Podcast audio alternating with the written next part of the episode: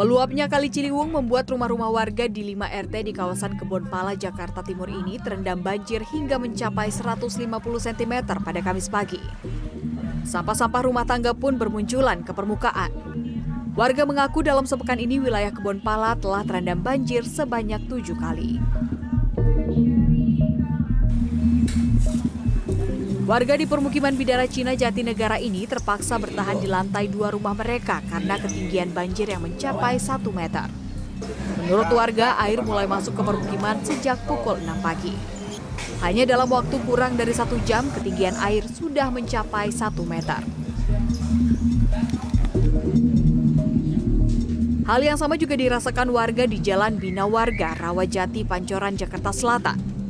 Banjir dengan ketinggian 60 cm hingga 1 meter lebih membuat aktivitas warga terganggu. Meski tidak ada yang mengungsi, warga tetap mengevakuasi barang-barangnya ke dataran yang lebih tinggi agar tidak terendam banjir. Ratusan rumah di permukiman warga Jalan Masjid Al Makmur Pejaten Timur Pasar Minggu Jakarta Selatan masih terendam banjir hingga Kamis siang. Warga mengatakan banjir terjadi sejak kemarin.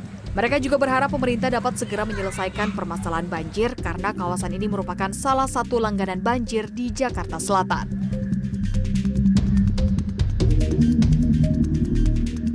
Melalui siaran persnya yang diterima CNN Indonesia.com, BMKG memberikan peringatan hujan makin lebat hingga awal Desember.